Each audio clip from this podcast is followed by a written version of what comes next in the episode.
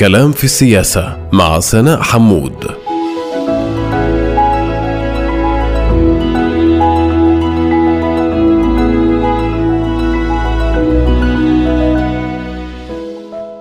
أهلا ومرحبا بكم مستمعاتنا ومستمعينا الكرام في حلقة جديدة من بودكاست كلام في السياسة الذي سنتناول في إطاره تحليلات معمقة بمنظور أوسع. حول قضية هامة أو شخصية مفصلية تركت وقعها وأدت إلى تحولات لافتة في المشهد السياسي. أنا سناء حمود وفي هذه الحلقة اخترنا أن نتوقف وإياكم عند تقييم المشهد السياسي. مع الإعلان عن حل الكنيسة والذهاب إلى انتخابات مبكرة ستكون الخامسة في غضون ثلاثة أعوام ونصف. لنرصد السيناريوهات المحتملة وأثرها على المواطنين الفلسطينيين في البلاد ولنتعمق في تحليل المشهد السياسي العربي في ظل استمرار الانقسام الداخلي وتبعاته. موضوع حلقة اليوم من كلام في السياسة المشهد السياسي إلى أين بعد الإعلان عن انتخابات مبكرة ومع استمرار الانقسام السياسي الداخلي. وللوقوف عند هذه القضية بأبعادها السياسية المختلفة يسعدني أن أرحب في هذا الحوار بضيفين. هما الدكتور رائف زريق أستاذ فلسفة القانون في الكلية الأكاديمية أونو وباحث كبير في معهد فان لير وبروفيسور مصطفى كبهة رئيس دائرة تاريخ الشرق الأوسط في الجامعة المفتوحة والناطق الرسمي للجنة الوفاق الوطني. والبداية ستكون مع دكتور رائف زريق لنسأله عن قراءته للمشهد السياسي الإسرائيلي المضطرب وإسقاطاته على الواقع الذي يعيشه المجتمع الفلسطيني في البلاد ودلالات الانزياح المتواصل نحو اليمين واليمين المتشدد في السياسة الإسرائيلية والخيارات المتاحة أمام القيادات العربية للتعاطي مع هذا الحال وقراءته لأسباب استمرار الانقسام السياسي الداخلي بين القائمتين الموحدة والمشتركة وتأثيراته على الخطاب والفعل السياسي للمواطنين الفلسطينيين في البلاد والمطلوب اليوم للاستعداد لليوم الذي يلي الانتخابات في علاقاتنا الداخلية ومع مؤسسات الدولة. أهلا ومرحبا بك دكتور رائف. أهلا وسهلا فيك سناء وبجميع المستمعات والمستمعين. ولكن قبل المباشرة بحوارنا لنستمع إلى هذه الصوتية فنتابع. نعمل ونسعى من أجل توسيع القائمه المشتركة وأنا أعني ما أقول. بمعنى أن شعبنا يريد الوحدة وحدة نضالية كفاحية على أساس برنامج سياسي. وأقول بشكل قاطع أننا في الجبهة نعم نسعى ونريد أن نوسع القائمه المشتركة لتشمل كل أبناء شعبنا بكل أطيافه على برنامج سياسي نضالي واسع. هذا ما نسعى إليه. بهذا الفرز لن نكون شركاء ونحن قلنا بشكل قاطع عندما تتراجع القائمه المشتركة عن هذا النهج نهج المقايضة ونهج البطاح مع الحكومة ودعم قوانين التي تضر بمجتمعنا. عندها ممكن أن نفكر في الحديث بالبناء شراك. الفرز السياسي الحالي هذه المرحلة هو فرز بين العمل السياسي النظيف العمل بالكرامة والمطالبة بالحقوق بكرامة وراس مرفوع مقابل المقايضة والمساوفة. تقييم هذه التجربة بحاجة إلى وقت أكثر بطبيعة الحال، الأمر الأساسي في تقييم هذه التجربة وتحديد مدى ودراسة الجدوى منها هو محور الزمن، حينما نتحدث عن سنة من دخول في ائتلاف حكومي وبطبيعة الحال أول كم شهر كلها ترتيبات، يعني سنة من دخول في ائتلاف حكومي ليست كافية من أجل أن تحقق كل ما تريد، الكلمة راضي يعني هي ليست في مكانها نوعا ما، لكن أستطيع أن نقول أننا قدمنا حركنا ملفات راكدة تقدمنا في قضايا تخص أبناء شعبنا ومجتمعنا، القائمة العربية الموحدة هي منفتحة لكل أبناء شعبنا ومجتمعنا، ندرس كل الخيارات، ربما سيكون في هذه القائمة أيضا مرشحون من الإخوة المسيحيين، الدروز، نحن نتوجه لكل قطاعات أبناء شعبنا ومجتمعنا، من يتفق معنا على الأهداف ويريد أن يمضي معنا في هذا الطريق فعلى الرحب والسعه. دعنا نبدأ بداية بقراءتك للمشهد السياسي الإسرائيلي المضطرب، كيف كنت تصفه بكلماتك؟ يعني المشهد الحزبي مضطرب لكن المشهد السياسي أقل اضطرابا بما معناه بعد أن اتفقوا على الجوهر أصبح ممكن الاختلاف حزبيا وائتلافيا وشخصيا. والمشهد آخذ في الاستتباب أنه ما في حل مع فلسطين ما في مفاوضات ولا في اعتراف بالحد الأدنى بحقوق الشعب الفلسطيني.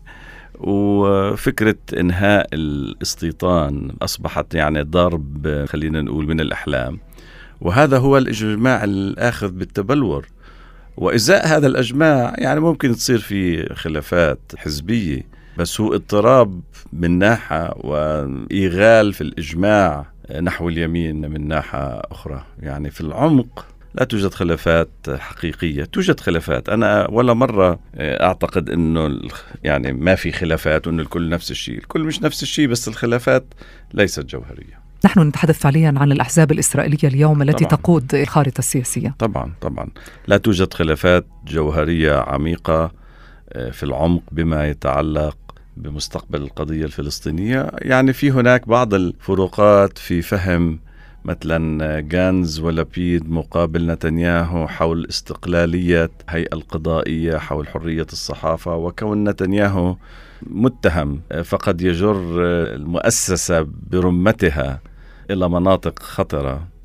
أما إذا تجاوزنا هذه الخلافات وأحيانا قد تكون مهمة بعض الشيء لكنها ليست مهمة جوهريا في العمق لا توجد خلافات حقيقة. يعني إسرائيل 2022 هي ليست إسرائيل 1995 ماذا عن إسقاطات هذا الوضع الذي تصفه الآن يعني والمستمر يمكن القول منذ سنوات ليست بقليلة بأمرين، بداية بقضية الجولات الانتخابية المتتالية، نتحدث الآن عن جولة انتخابية خامسة بغضون ثلاث سنوات ونصف، واقتصار الخيارات ما بين حكومة نتنياهو وحكومات يمين بديلة. وكيف ترى هذه الإسقاطات على الواقع الذي يعيشه المجتمع الفلسطيني في البلاد بتقديراتك؟ المزبوط إحنا مش لازم نحصر حالنا يعني. وإن كنت أحيانا أعتقد إنه في بعض الفروق هنا وهناك بين حكومة برئاسة نتنياهو أو حكومة برئاسة لبيد لكن الفلسطينيون في إسرائيل يجب أن لا يحصروا لعبتهم وخيالهم السياسي في إما دعم هذه أو دعم تلك. يعني الحياة السياسية ما بتبدأ وبتنتهي في هذا الموضوع.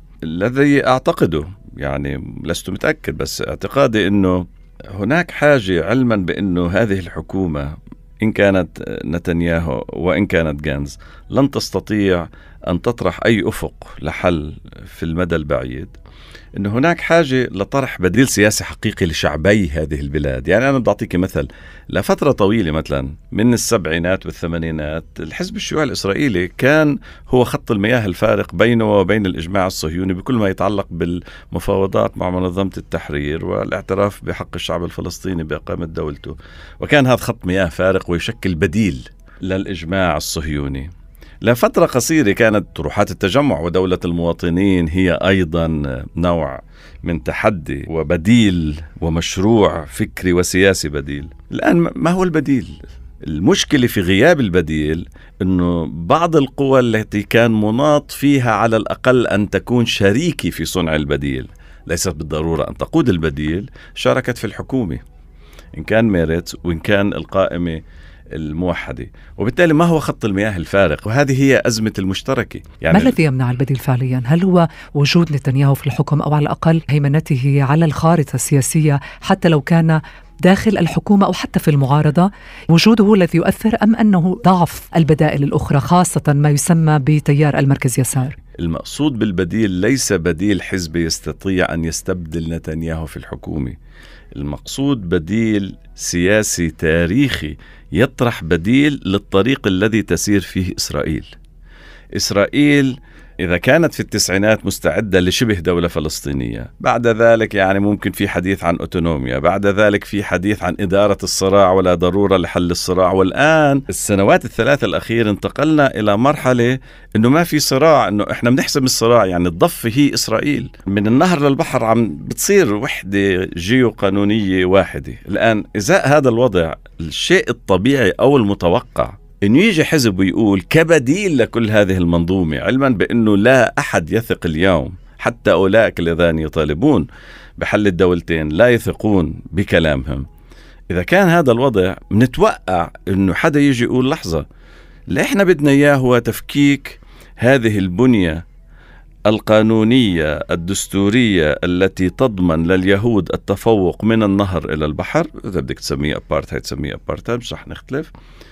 بطريقة تضمن المساواة الفردية والجماعية والسياسية والقانونية لشعبي هذه البلاد. هذا طرح بديل وهذا يحدث فرز جديد غير الفرز اللي إحنا متعودين عليه وبتقدريش تعرفي مين بصف معك ومين بصف ضدك. هذا الطرح هذا منه بديل إنك تشكل حكومه بس هذا بديل بتراكم عليه من اليوم بجوز ل 20 سنة. زي اللي بده يطلع جبل جبل شاهق بتطلعوش بجوز بنهار بدك تطلعه بجوز ب 100 سنة بس لازم تعرف أي جبل بدك تتسلق لازم تعرف أي طريق بدك تمشي. طب في غياب هذا البديل الذي تتحدث عنه الآن وفعليا مع هذا المضي بشكل تدريجي وخاصة في الأعوام الثلاث الماضية إلى ما يسمى كذلك وفقا لمؤسسات دولية بأنه ابارتايد ليس فقط في الضفة الغربية وإنما حتى كذلك في أراضي 48 في داخل إسرائيل. كيف تقرأ هذا الواقع؟ هل نتحدث اليوم عن واقع جديد؟ وإن كان ما الذي يتطلبه الأمر مننا نحن كمجتمع فلسطيني في هذه البلاد. الارتقاء بإقامة مثلا جبهة للنضال ضد الأبارتهايد أو طرح حل سياسي الذي يأخذ بعين الاعتبار ليس فقط مستقبل الفلسطينيين في الداخل إنما مستقبل الفلسطينيين في الضفة. وإن كنا نعيش وضعيات قانونية مختلفة أنا لست من أولئك الذين يقولون كلنا نعيش تحت الاحتلال الإسرائيلي. يعني هذا ينم عن عدم تواضع. حياة فلسطيني في الناصرة تختلف عن حياة فلسطيني في غزة وتختلف عن حياة فلسطيني في رام الله أو في جنين. يعني إحنا مزبوط كلنا مستهدفون لكننا مستهدفون بطرق خلينا نقول مختلفة. لكن نحن نقترب من اللحظة الخناق الذي يمارس لخنق سؤال فلسطين. هو يمارس لخنق مطالبنا نحن في الداخل. يعني نفس المنظومة التي تقمع هناك تقمع هنا. وما تحول التعبير الذي استعمله نتنياهو لمنصور عباس إنه نحن لن نعتمد على منصور عباس والقائمه الموحدة، التعبير الذي اختاره له دلالاته، هو ما قال إنه هو يدعم الإرهاب، هو قال إنه لا سامي، يعني في لغة جديدة التي تنوي دمغ كل نضال الفلسطينيين في كل مكان إن كان في الضفة وإن كان في العالم وإن كان في الداخل. إنك تيجي تقول عن النظام هذا إنه نظام عنصري هي بحد ذاتها هاي لا سامية. الآن هناك محاولة من إسرائيل لتمرير هذا التعريف الجديد للاسامية في الأمم المتحدة وفي حال نجحت في تمريره بعد ما نجحت بفرنسا وألمانيا وإنجلترا هذه كارثة أخلاقية لأنه مواطن قوتنا الأساسية هي بتفوق قضية فلسطين ووضوحها الأخلاقي فإذا سيجري وصم النضال الفلسطيني باعتباره هو مجموعة من العنصريين الذين يكرهون اليهود بسبب كونهم يهود فهذه خسارة كبيرة. الآن ليس لدي برنامج واضح ومتكامل إطلاقا لا. وأنا أفهم أنه لا يمكن بين ليلة وضحاها أن تنتقل من حل الدولتين الذي اعتدنا عليه لمدة 40 أو 50 سنة لطرح حل اللي أنا بتصور أنه مش بالضرورة حنا ننتقل لحل اللي يقول رأسا حل دولة واحدة. وأنا لست متأكدا أنه حل الدولة الواحدة هو الحل المضبوط بس على الأقل يجب فتح الطريق أو فتح الخيال أو خلينا نقول توسيع الهامش اللغوي والفكري اللي إحنا نطرح لليهود وللفلسطينيين بالضفة ولأنفسنا أنه يجب فكفكة هذا النظام الذي يسعى إلى السيطرة البنيوية القانونية والدستورية والسياسية ومنطق الامتيازات لليهود من النهر إلى البحر. هذا قد يخلق لغة جديدة.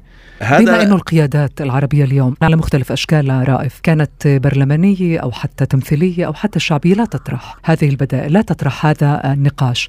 من المسؤول عن ذلك فعليا؟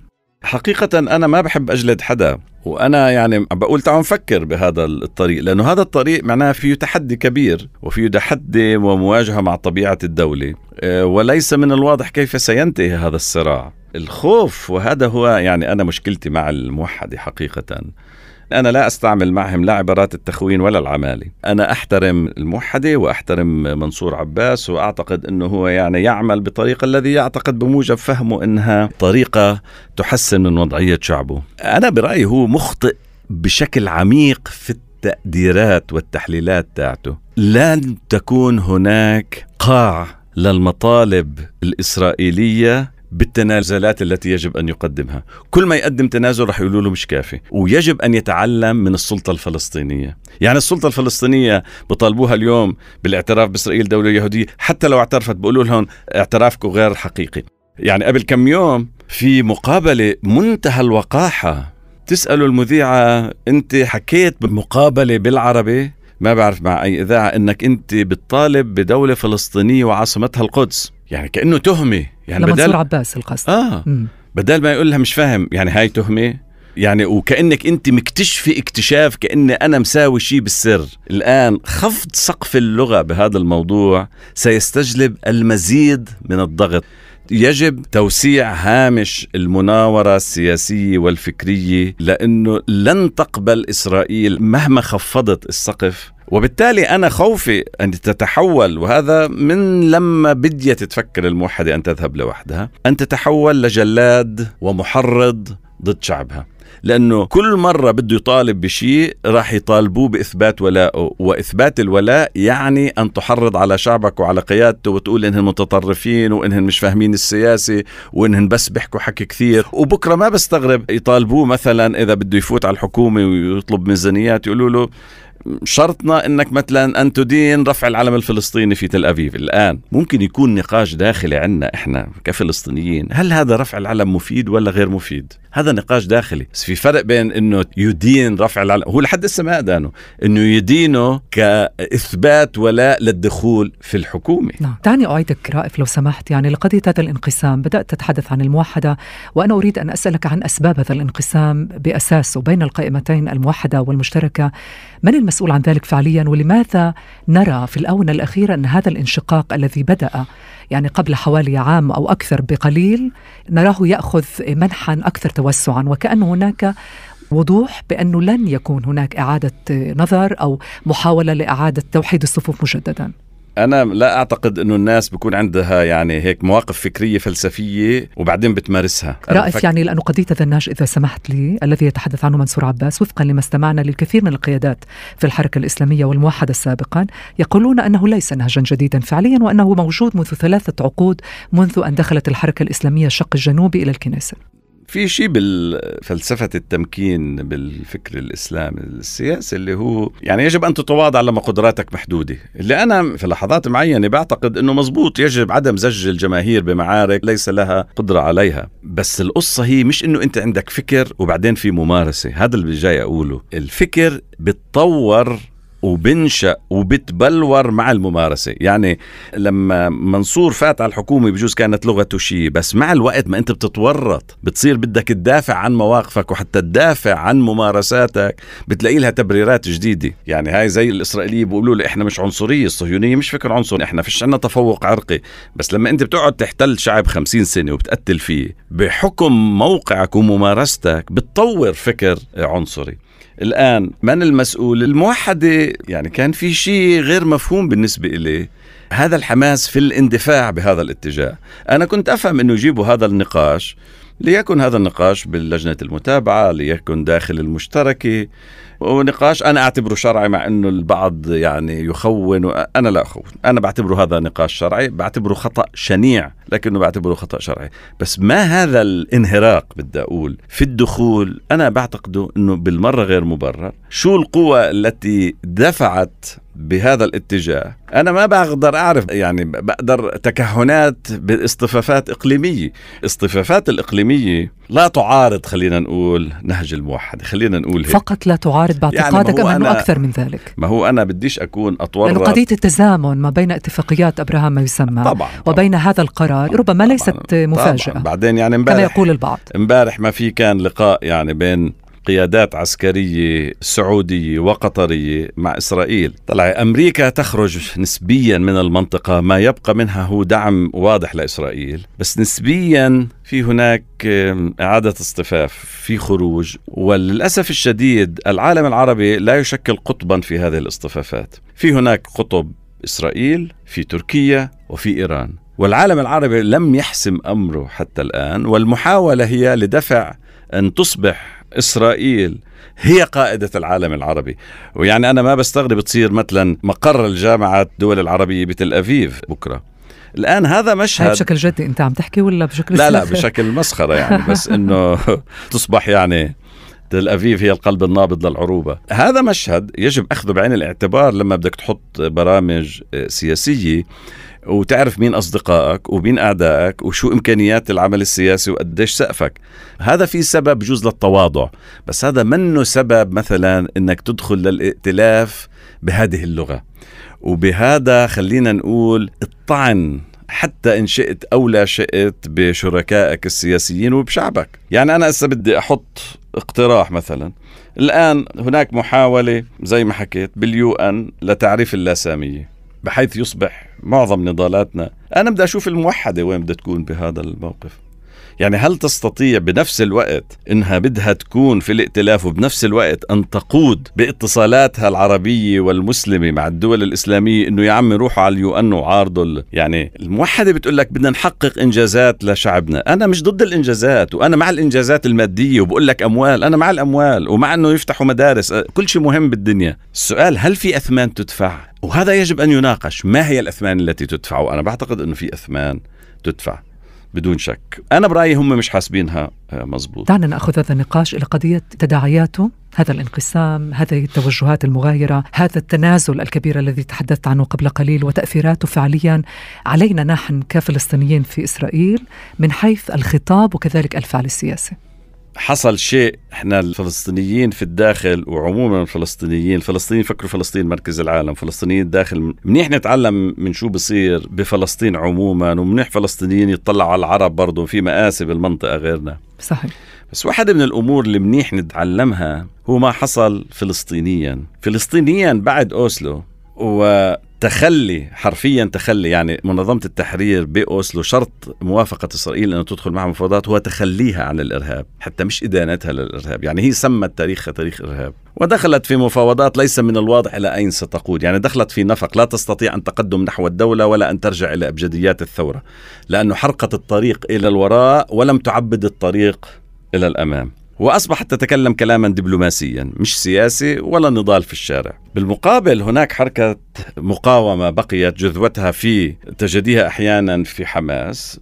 في بعض القوى في فتح بالقوى الميدانية بفتح بعض القوى في الجبهة الشعبية. فحصل هناك فلسطينيا ثنائية خطيرة اللي هو المستوى الدبلوماسي يفاوض ما في عنده ولا أي باك أب دعم على الأرض الذي يستطيع أن يضغط على إسرائيل. فهو مجرد مفاوضات كلام ما بيقدر يضغط. هناك قوة تقاوم لكن ليس لها غطاء سياسي. لا توجد قوى سياسية تستطيع أن تتحدث باسمها وتعبر عن موقفها للعالم وللأمم المتحدة وللقوى الكبرى. هذا شو خلق وضع؟ خلق وضع أن المقاومة تجهد القيادة السياسية والقيادة السياسية تدين المقاومة. فصف الفعل السياسي امبوتنت آه، والفعل الميداني أخرس. هل ترى موازنة بين الحالتين؟ طبعا طبعا. اللي راح يصير واللي بده يصير هو إنه الموحدة ستكون شريكة في إدانة والتحريض إن شاءت أم أبت على العمل السياسي الفلسطيني. لأنه يعني هذا الدور الذي سيناط فيها شاءت ذلك وهنا بدي أركز شاءت ذلك أم أبت. وبدال ما إسرائيل تطخ علينا إسرائيل رايحة تستعمل يعني تعابير ومصطلحات اللي بتستعملها الموحدة في توصيف التجمع أو في توصيف المشتركة. الآن أنا بفارق عن كثير من الزملاء مع إني كنت ولا أزال أعتقد إنه الموحدة ذهبت بعيدا. أنا لا أزال أعتقد إنه يجب هناك أن تكون لدى المشتركة الاستعداد للحديث مع الموحدة إذا كانت الموحدة مستعدة. من أجل بناء قائمة مشتركة طبعا تقوم على فهم الموحدة بأنه في شيء بطريقها خطأ. لكن هذا يجب ألا يصل إلى نوع من أنه لازم يطلعوا ويعتذروا. مش هاي القصة. القصة يجب تغليب هون أنه في لحظة سياسية تتطلب الوحدة لأنه بدون ذلك هذا الانقسام لا يفيد. هذا الانقسام لا يفيد ويجب بذل أي جهد لاسترجاع الموحدة من هذا الطريق الذي ذهبت فيه بتأني وبرحابة صدر. طيب وبسؤال أخير إذا سمحت باقتضاب رائف المطلوب اليوم برأيك من القيادات العربية وكذلك النخب الثقافية الفلسطينية للاستعداد لليوم الذي يلي الانتخابات الذي بات طبعا واضحا الآن بأنه لن يأتي ببشر سارة في أقل كلمة ممكنة للمجتمع العربي وللفلسطينيين بشكل عام من أجل ترتيب علاقاتنا داخلية بداية ومن ثم تنظيم علاقاتنا مع مؤسسات الدولة. يعني يجب إنه ننتبه. أنا طول الوقت بحذر لكن بمثابرة كنت مع الذهاب إلى الكنيسة والمشاركة في انتخابات الكنيسة لأنه أعتقد إنه مهم دائما للشعوب والأقليات أن يكون لها عناوين حتى لا يحصل حالة من الفراغ السياسي. لكن طبعا العمل السياسي لا ينتهي ولا يبدأ في الكنيسة أهم شيء هو إنه نحكي مع بعض نتخلص من الإيمان العميق بكل واحد بإنه يعني هو خطه اضبط إشي. لازم نحكي مع بعض ولازم يعني ما في حل. قيلت قبل بعشرات المفكرين والكتاب وستقال بعدي لا بديل من بناء المؤسسات ولا بديل عن التضامن بالحد الأدنى بين الأحزاب والحديث بين القوى المختلفة. لا أرى بديلا عن ذلك. بين إذا طلع نتنياهو بين إذا طلع لبيد هذه يعني تفاصيل الأوغانز. إطلاقا غير مهمة حقيقة. شكرا لك دكتور رائف زريق أستاذ فلسفة القانون في الكلية الأكاديمية أونو وباحث كبير في معهد فان لير على هذا الحوار الخاص وهذا التحليل القيم. شكرا جزيلا لك. شكرا لك ولجميع المستمعات والمستمعين. فاصل قصير ونواصل الشق الثاني من هذا الحوار مع بروفيسور مصطفى كبهة لنحلل وإياه المشهد السياسي المعقد وما يبدو كحالة مراوحة في المكان في الأعوام الأخيرة الماضية والسيناريوهات المحتملة لتشكيل الحكومة المقبلة وإسقاطاتها على المواطنين الفلسطينيين في البلاد ولنتعمق في تقييم المشهد السياسي الداخلي في ظل الانقسام المستمر بين القائمتين المشتركة والموحدة لفهم الأسباب والاعتبارات والمطلوب اليوم من القيادات العربية العربيه لمواجهة الأزمات السياسية والاجتماعية المستفحلة. لا تذهبوا بعيدا. كلام في السياسة مع سناء حمود.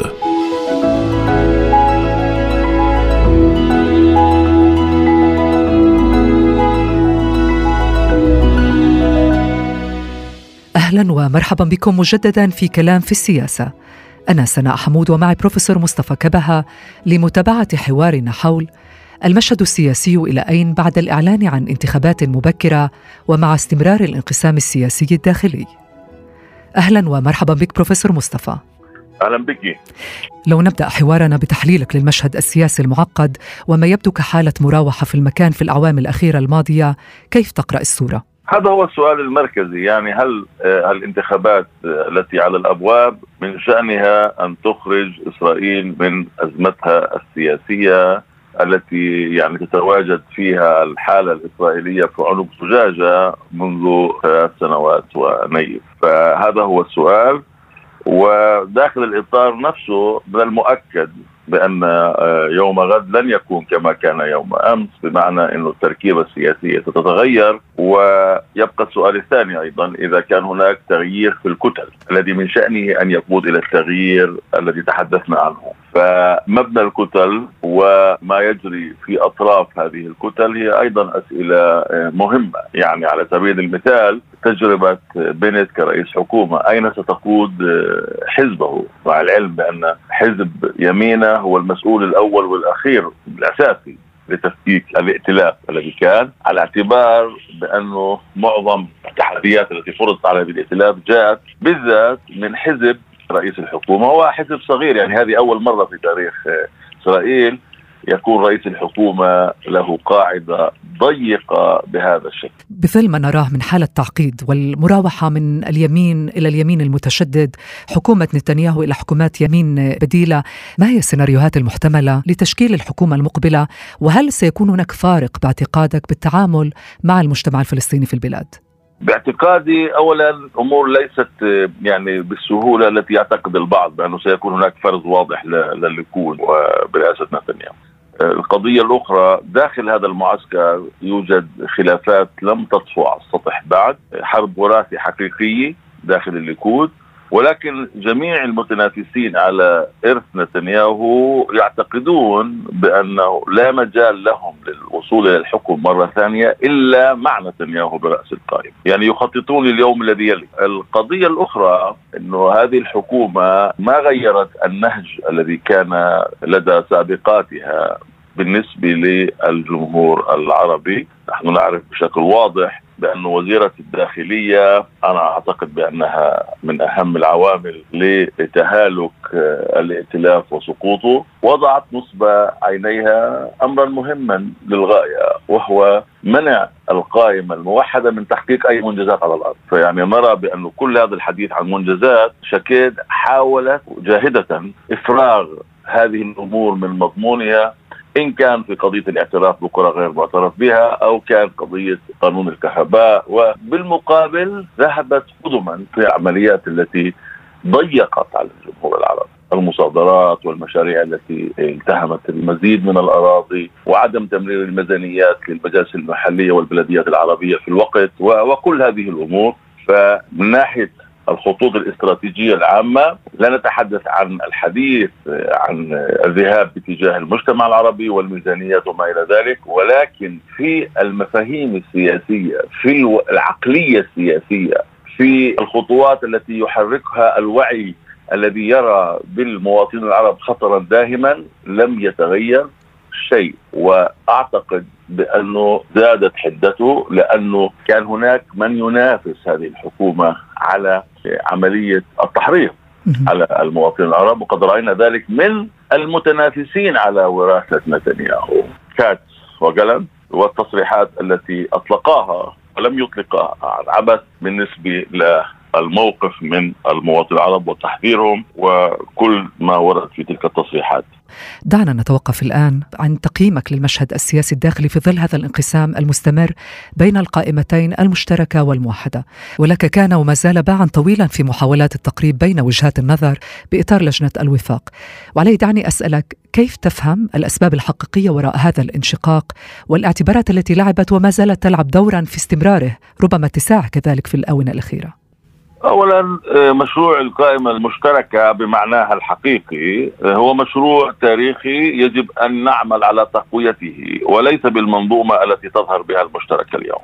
القضية الأخرى هناك أشخاص ساهموا في عملية تفكيك المشتركة باعتقادي لم يتم حسابهم جماهيريا إن كان على مستوى أحزاب أو على مستوى قيادات أو على مستوى أشخاص في ذاته. الأحزاب لم تجري حسابا داخليا نقديا والكل يعتقد يميل إلى تعليق مسؤولية تفكيك المشتركة على مسجب الآخرين. وهذا أمر يعني بحد ذاته بحاجة إلى دراسة. هذا المشروع هو أهم مشروع انشئ في المنظومة السياسية العربية. قد يكون الاعتماد الكلي على الأحزاب القائمة هو خطأ كان يجب تفاديه وكان يجب أن يكون هناك تمثيل لشرائح أخرى غير متواجدة على المنظومة الحزبية الحالية.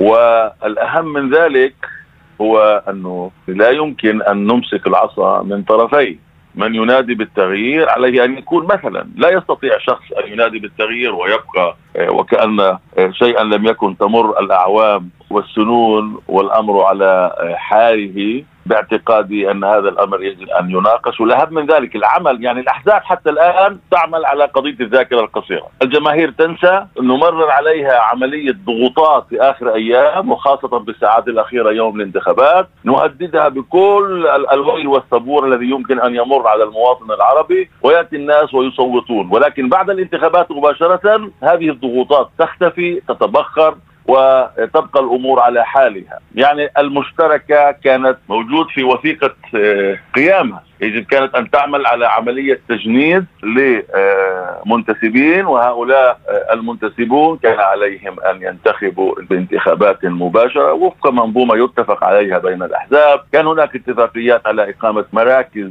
وفروع للمشتركة في كل قرية ومدينة عربية، كان من المفروض أن تنزل آه، هذه المنظومة إلى الشوارع وتعالج الأمور الحارقة، كان من المفروض أن نبتعد عن حرب النيازك والنجوم في الإعلام، أن يكون هناك ناطق وخطاب واحد، كل هذه الأمور لم تنفذ، لماذا؟ لأن الفئوية الحزبية تغلبت وتتغلب كل مرة. وباعتقادي بانه هذا الأوان أن نقول للفئوية الحزبية غادرين وعلينا أن نعمل على قيام إطار اندماجي. والأحزاب يعني تستطيع أن تندمج بهذا الإطار على أن يكون هذا يعني له أهداف محددة. ماذا تأتي هذه القائمة لتفعل وكيف لها أن تخدم الجماهير بشكل فعلي؟ في المقابل بروفيسور مصطفى كبا هناك من يقول أن المسألة هي مسألة توجهات مغايرة وإيديولوجيات مختلفة. أليس من الشرعي أن يكون هناك صوتان أن يكون هناك توجهان بما يتعلق في المواطنين الفلسطينيين في البلاد؟ هناك ما تحمله الموحدة كأجندة وهناك ما تحمله المشتركة من أجندة؟ ولا ضير بأن تكون هناك قائمتان تمثلان للمجتمع؟ يعني من يقول ذلك أيضا يعاني من قصر الذاكرة. نحن نعرف عندما أقيمت المشتركة الأولى عام 2015 كل الأصوات كانت يجب أن تكون هناك الأصوات وما ضير وقضية القطيع وما إلى ذلك. جربنا الانقسام بعد ذلك مباشرة التمثيل نزل بأكثر من 40% وجربنا ذلك وعدنا واتحدنا فكان هناك 15 مقعد إنجاز تاريخي وكان بالإمكان أكثر من ذلك أيضا لو تكاتفت وتضافرت الجهود وابتعدنا عن التقسيم والمحاصصة. ومع ذلك أنجزنا 15 مقعدا. بعد ذلك حصل الانقسام يعني هؤلاء الذين يتحدثون هكذا ألم يتعلموا من هذه الدروس خلال سنتين؟ كيف لنا أن نتحدث بهذه الطريقة؟ القضية الثانية وضعيتنا الخاصة تفترض وحدة. قضية البلورة والتعددية وما إلى ذلك هذه امور يعني تسمح لنفسها مجموعات حققت أهدافها. ولكن اهدافها العليا. ولكننا لم نحقق أهدافنا العليا ولم نحقق شيئا من هذه الأهداف. فكيف نسمح لأنفسنا بالانقسام؟ ثانية للاختلاف في ثقافه الاختلاف ليس الانقسام. هناك ثقافة والثقافة تقول نجتمع على القواسم المشتركة ونختلف في وجهات النظر. هذا شرعي ولكن ليس هذا ما يحصل. الانقسام يتحول إلى خصومة ويتحول إلى عداوة ثم يتحول إلى فجور في العداوة. وهذه أمور لا تحتملها الناس وليس من المفروض أن تحتملها. لا تحتمل نرجسيه فلان ولا أنوية علان. ولا غرور هذا الحزب المواطن العادي ليس بحاجة أن يعاني منها وليس من المفروض أن يعاني منها. هل ترى سيناريو ولو يعني بشكل افتراضي لإعادة توحيد الصفوف بين القوائم العربية ما قبل الانتخابات القريبة وهل من ضرورة لذلك أصلا في هذه المرحلة؟ الوحدة يجب أن تكون وحدة لإطار يجمع إرادة الناس والجماهير. من يريد أن ينضم أهلا وسهلا به؟ هذا الشيء. يعني الوحدة ليست توحيد أحزاب. توحيد أحزاب رأينا أن هذا الأمر صعب ومستحيل. الأحزاب لها مصالح والمصالح هي التي تغلب. ولهذا هي المشكلة. يعني الدعوة إلى توحيد الأحزاب هي دعوة لترسيخ المراوحة. هل وردتك أي توجهات من أي طرف كان؟ إن كان من أنصار المشتركة الموحدة ربما من القيادات أنفسهم لمحاولة فحص هذه الإمكانية؟ نعم كان هناك توجهات ونحن رحبنا بهذه التوجهات ورحبنا بغيرة هؤلاء الناس الذين توجهوا من منطلق مصلحة الناس باعتقادي أنه إذا كان هناك نوايا صادقة يجب أن تعلن على الملأ من الأحزاب. يجب على الأحزاب أن تقول أخطأنا بعملية الانقسام. علينا أن نقوم بعمل توحيدي إن لم يكن قائمة واحدة ولكن عمل فيه تنسيق بين الأصوات المختلفة على التكتيكات المتفقة على الاستراتيجيات وهذا أمر ممكن ونحن نستعد أن نساهم في هذا الأمر. نعم. ولكن قبل كل شيء على من سعى وعمل على تفكيك المشتركة بمفهومها العام الذي أقيمت فيه عام 2015 أو على الأحزاب مجتمعة. ولكل المساهمات في ذلك أن تقول نحن نريد إطارا توحيديا تنسيقيا نتفق فيه على الاستراتيجيات ولنا الحق في الاختلاف على التكتيكات أين تقف الأمور في هذه المرحلة؟ هل كان هناك توجها من قبلك كناطق بلسان لجنة الوفاق لكلا الحزبين لكلا القائمتين لقياداتهم؟ اولا جرت توجهات من أشخاص غيورين من كافة الأحزاب، هذه كانت يعني بإطار جس نبض ليس إلا الموقف الذي قلته هو الموقف بمعنى بأن أي محاولة لتوحيد الجهود من الأحزاب القائمة ومن القوى الشعبية المختلفة يجب أن تكون مبنية على أساس متين من تغليب المصلحة العامة وإعطاء الفرصة الكاملة للتركيبات السياسية المرجوة التي فيها خدمة للناس وانطلاق لفضاء عملي جديد بعيد عن الجمود الحزبي باعتقادي بأن الأيديولوجيات الحزبية الآن تقف مانعا أمام عملية التنسيق المدروس الصحيح. طب في حال بقي الانقسام قائم وهذا على ما يبدو سيكون يعني في الانتخابات القريبة أريد أن أتوقف وإياك عند توجهات الموحدة التي يعني لا تخفي هذا التوجه الذي استمعنا إليه في الانتخابات الماضية وممثليها ما زالوا يكررونه حتى اللحظة يقولون لا نلغي إمكانية دعم أي حكومة مستقبلية أو بكلماتهم لسنا في جيب أحد. كيف تقرأ هذا الإصرار على هذا التوجه حتى في هذه المرحلة وانعكاساته فعليا على السياسة العربية بشكل عام؟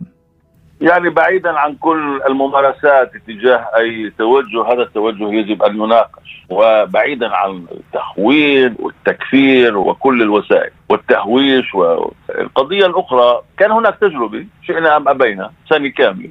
لوجود جسم سياسي عربي في حكومة ائتلاف آه، يعني مشكل بشكل تشكيلة غريبة يجمعها شيء واحد وهو كأن عملية معارضة نتنياهو أكثر من أي عامل اخر. هذه التجربة بحاجة إلى دراسة متأنية، يعني يجب أن تدرس وليس أن تجابه بهذا الغرض. القضية الثانية هم أيضا يجب باعتقادي أن يعقدوا ندوات داخلية للنقاش لتقييم التجربة وأن يكونوا مستعدين لسماع الانتقاد.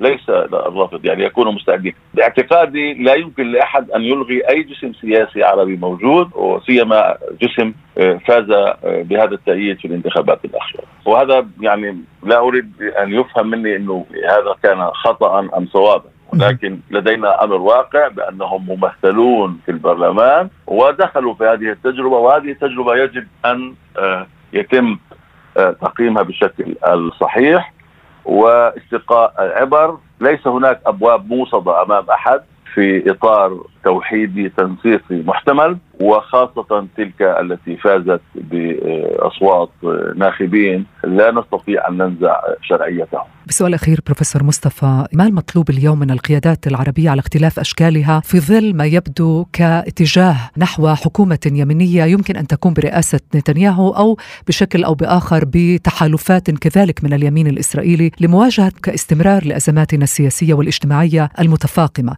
أين الحل من وجهة نظرك؟ أول الحل هو النقاش الداخلي بمنع عن أي حكومة أخرى تشكل في إسرائيل، نحن يجب أن نناقش أمورنا داخليا قبل كل شيء وأن نختار المنظومة السليمة التي تستطيع من خلالها أن نفرض مطالبنا على أي حكومة تشكل. يعني إذا كان لدينا القوة على تجميع 15 مقعد ونستطيع ان نجمع 20 مقعدا هذا الأمر سيفرض نفسه على المنظومة السياسية الإسرائيلية داخل الائتلاف أو خارج الائتلاف. وهذا هو الأمر. يعني باعتقادي تقوية الداخل إنهاء حالة الانقسام تجميع الكسور المهشمة طرح مشروع واضح المعالم في كل المجالات الحياتية من حالات التربية والتعليم إلى العنف المستشري إلى الفئوية التي يعني آه، تستحكم في سلوكياتنا. وكل هذه الأمور هذه الأمور طرحناها سابقا نوقشت فقط عشية الانتخابات وهناك من يعني شرع في إنشاء طواقم من المثقفين والمفكرين. ولكن كما يبدو كان هذا بمثابة ما سمي في العصر العثماني زينات مملكات. بمعنى كانت للتزيين فقط مضى من مضى فيما كان يفكر وللأسف الذي يدفع كل هذا السلوك وأثمانه هو المواطن العادي الذي يطمح في حياة عزيزة وكريمة. ويطمح لوقف كل الأعمال العدائية ضده أن يتوقف التمييز وأن يتوقف عملية الإضرار بالرموز والهوية وكل هذه الأمور. الممارسات التي رأيناها في السنتين الأخيرتين هي ممارسات معيبة يجب أن تختفي وإلى الأبد. وبهذه التوصيات الهامة اسمح لي أن أشكرك بروفيسور مصطفى كبهة رئيس دائرة تاريخ الشرق الأوسط في الجامعة المفتوحة والناطق الرسمي للجنة الوفاق الوطني. شكرا جزيلا لك على هذا الحوار الخاص وهذه المعلومات الهامة. شكرا لك. كان هذا كلام في السياسة. شكرا لكم مستمعاتنا ومستمعينا الكرام على حسن الاستماع. أطيب التحيات لكم أينما كنتم. دمتم بكل خير. كلام في السياسة مع سناء حمود.